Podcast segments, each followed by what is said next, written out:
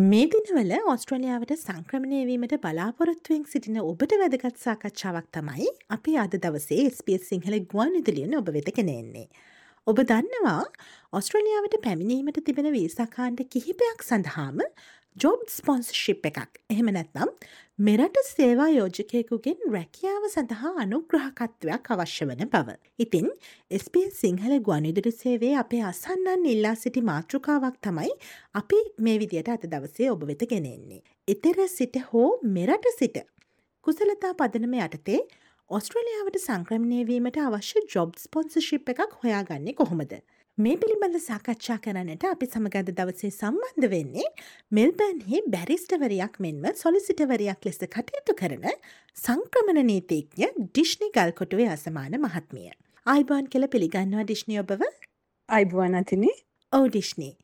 මුලින්ම මං ඔබෙන් දැනගන්නට කැමති මේ රැකියාවක් සඳහා සේවායෝජකෙකුගේ අනුග්‍රහය අවශ්‍ය වන වීසා කාණ්ඩ මොනවද. ඔවතිනි. දැන් එම්පලොය ස්පොන්සඩ් වීසා එකක් ගැන කතා කරනවා නම් දැන් ඔස්ට්‍රේලියාව තුළ යම් කිසි රැකියාවක් සඳහා ඔස්ට්‍රේලියනු පුරවැසියෙකු හෝ ස්ථීර පදිංචිය තියෙන පුද්ගලයෙකු හෝ ඒ සඳහා සොයා ගැනීමට නොහැකි වෑවෙන අවස්ථාවකදී එම රැකියා පුරප්පාඩුව පුරවා ගැනීමට විදේශ ශ්‍රමිකයෙකු සේවයට යෙදවීමට හැකිවන විදිහට තමයි මේ එම්පලොයර් ස්පොන්සර්ඩ් වීසා කැටගරීස් ඔස්ට්‍රේලියාව තුළ ක්‍රියාත්මක වන්නේ. ඉතින් මෙසේ ක්‍රියාත්මක වන වීසා කැටගරීස් ප්‍රධාන වශයෙන් හතරක් තියෙනවා. මේ වීසා කැටගරීස් ගැන කතා කරොත් එක වීසා කැටගරි එකක් තමයි temporary skill uh, shortage visa category එක.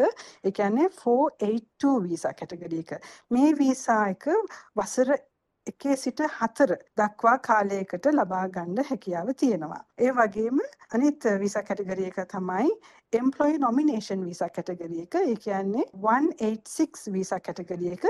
මේ වීසා කැටගරි එක යටතේ ඒ පුද්ගලයාට ස්ථීර පදිංචිය ලබා ගැනීමට හැකියාව තිබෙනවා. ඒ වගේම තුන්වෙනි වීසා කැටගරි එක තමයි skilled employer sponsored visa category එක. කියන්නේ 494 වීසා කැටගරි එක. මේ වීසා එක අවුරුදු 5කට ලබා ගන්න පුළුවන්කම තියෙනවා. ඒ වගේම අනිත් වීසා කැටගරි එක තමයි කියන්නේ හතරවෙනි වීසා කැටගරි එක තමයි temporary activity වීසා කැටගරි එක. කියන්නේ 408 වීසා කැටගරි එක මේ වීසා කැටගරි එක යටතේ වසර දෙකක් සඳහා වීසා බලපත්‍රයක් ලබා ගැනීමේ හැකියාව තියෙනවා. ඕ ඩිශ්නි දැන් ඔබ සඳහන් කළ මෙවැනි වීසා කාණ්ඩයක් යටතේ ඔස්ට්‍රලියාවට සංක්‍රමණය වීමට බලාපොරොත්තු වන කෙනෙක් වීසා සඳහා රැකියා අනුග්‍රහකත්වයක් සොයා ගන්නේ කොහොමද. ඇතටම කියනවා නම් මේ විදිහට එම්පලොයර් ස්පොන්සර්ඩ් වීසා ලබා ගැනීමට හැකි ප්‍රධාන රැකියක් ක්ෂේත්‍ර හතරක් ඔස්ට්‍රේලියාවේ ක්‍රියාත්මක වෙනවා. විශේෂයෙන්ම සෞඛ්‍ය සේවයට අදාළ ආයතනයන්ට ඒ කියන්නේ හෙදියන් වෛද්‍යවරුන් සහ සාතු සේවකීන්ට ඒ වගේම තොරතුරු තාක්ෂණයට අදාළ වෘත්තිකයන්ට ඒ වගේම ඉංජිනේරුවන් සහ ඉදිකිරීම් ක්ෂේත්‍රයට අදාළ වෘත්තිකයන්ට ඒ වගේම කෘෂි කර්මාන්තයට අදාළ වෘත්තිකයන්ට. ඉතින් එතකොට මේ රැකියා ශාස්ත්‍රයන්ට අදාළ මේ ස්පොන්සර්ෂිප්ස් ලබා දෙන ආයතන සහ කර්මාන්ත ගැන ඔබට තනි තනිවම මේ රිසර්ච් කරලා හොයා ගන්නත් පුළුවන්කම තියෙනවා. ඒ වගේම මේ විදිහට මේ ස්පොන්සර්ෂිප්ස් දෙන ආයතන පිළිබඳ ජොබ් වෙබ්සයිට්ස් තියෙනවා. ඉතින් මම උදාහරණයක් විදිහට කිව්වොත් 482 jobs.com කියලා වෙබ්සයිට් එකක් තියෙනවා.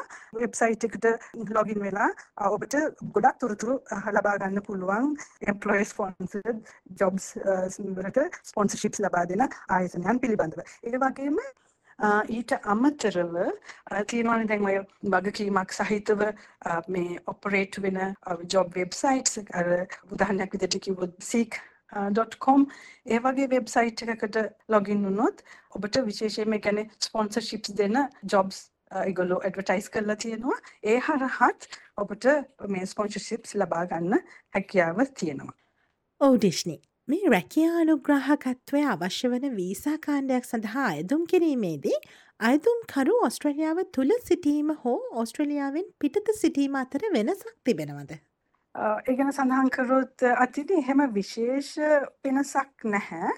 ඔස්ට්‍රේලියාව තුළ සිටින අයදුම්කරුවෙක් නම් ඔහු අනිවාර්යෙන්ම අර වැලිඩ් වීසා එකක සිටිය යුත්තෙක් වෙනවා. ඒ වගේම සමහර වෙලාවට ඔහු දැනට සිටින වීසා එකේ අර no further stay කියන කන්ඩිෂන් එක නැති වෙන්න ඕන. මොකද ඒ no further stay කියන කන්ඩිෂන් එක තිබ්බොත් ඔහුට ඒ වීසා එකේ ඉන්න ගමන් වෙන වීසා එකකට අයදුම් කරන්න හැකියාවක් නැහැ. ඊට අමතරව ඕස්ට්‍රේලියාව තුල සිටිනවා නම් අනිවාර්යයෙන්ම ඔවුන් බ්‍රිජින් වීසා එකක ඉන්නවා නම් bridging visa A B OC කියන කාණ්ඩයේ සිටිය යුතු වෙනවා බ්‍රිජින් වීසා E කියන කාණ්ඩයේ ඉන්න පුද්ගලයන්ට ස්පොන්සර්ෂිප්ස් වලට අයදුම් කිරීමට හැකියාවක් නැහැ. එතකොට ඔස්ට්‍රේලියාවෙන් පිටත ඉන්න අයදුම්කරුවන්ට මේ වගේ කිසිම මේ ගැටලුවක් නැහැ. නමුත් ඔවුන් සියල්ලම අර ඒ රැකියාව සඳහා අයදුම් කිරීම සඳහා තිබිය යුතු අවම සුදුසුකම් ඇතට මේ මේ දෙකොටසට ඔස්ට්‍රේලියාව තුළ සිටින සහ ඔස්ට්‍රේලියාවෙන් පිටත සිටින අයදුම්කරුවන් දෙකොටසටම තිබිය යුතු වෙනවා. කියන්නේ අවම සුදුසුකම් තිබිය යුතු වෙනවා. කියන්නේ ඔවුන් ඉංග්‍රීසි කම්පිටන්සි ඒ වගේම ස්කිල් ඇසෙස්මන්ට් එකක් තිබීම ඒ වගේම අතිනේ දැන් මේ එම්ප්ලොයර් ස්පොන්සර්ඩ් වීසා එකක තියෙන ප්‍රධානම අවශ්‍යතාවය තමයි ඔස්ට්‍රේලියාවෙන් ඒ කියන්නේ ඒ සේවය සේවා යෝජකයා ඒ කියන්නේ එම්ප්ලොයර් Um, සේවය සපයන්න මේ ආයතනය හෝ පුද්ගලයා ප්‍රූඩ් ස්පොන්සර් කෙනෙක් වෙලා um, තිබීම. ඉතින් එකැනෙ අනුමත මේ අනුග්‍රහයකයෙකු වී සිටීම. ඉතින් මේකට ඒ සේවා යෝජකයා සැපිරිය යුතු සාධක කීපයක් තියෙනවා. ඒ කියන්නේ ඔහු ඔස්ට්‍රේලියාව තුළ නීත්‍යානුකූල ආයතනයක් හරි නීත්‍යානුකූල ව්‍යාපාරයක් පවත්වාගෙන යන්නෙකු වෙන්න ඕන. ඒ වගේම ඔහුට එයාගේ මේ වාර්ෂික ආදායම යම්කිසි ඒ කියන්නේ ඒ අපේක්ෂිත මට්ටමේ තියෙන්න ඕන ඒ වගේ නීත්‍යානුකූලව ඔහු විසින් සැපිරිය යුතු වගකීම් ඔහු සපුරා තිබිය යුතු වෙනවා. ඔවඩිශ්නි මම අවසාන වශයෙන් දැනගන්නට කැමති ඔස්ට්‍රලියාවට සංක්‍රමණය වීමේ බලාපොරොත්තුවෙන් වීසා සඳහා රැකියා අනුග්‍රහකත්වයක් සොයන යම් පුද්ගලයෙක් රැවටීමකට ලක්වීමට හෙමනැත්නම් නොමගයවීමට ඉඩකඩක් තිබෙනවාද.